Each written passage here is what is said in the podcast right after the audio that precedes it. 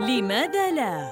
مع عمران القفيني على العربية بودكاست. لماذا لا تنفجر إطارات الطائرة وقت الهبوط؟ يا رب أسألك ألا يستمع سامع إلى هذا التسجيل وهو في الطائرة ولا وهو في المطار بانتظار رحلته.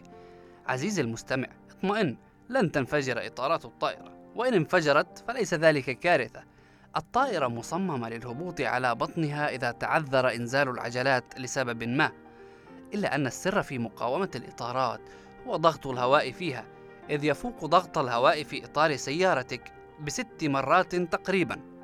وحين يصنعون تلك الإطارات فإنهم يخضعونها لجهاز محاكاة يجعلها في وضعية الهبوط تماما ليتأكدوا أنها صالحة للاستهلاك الآدمي.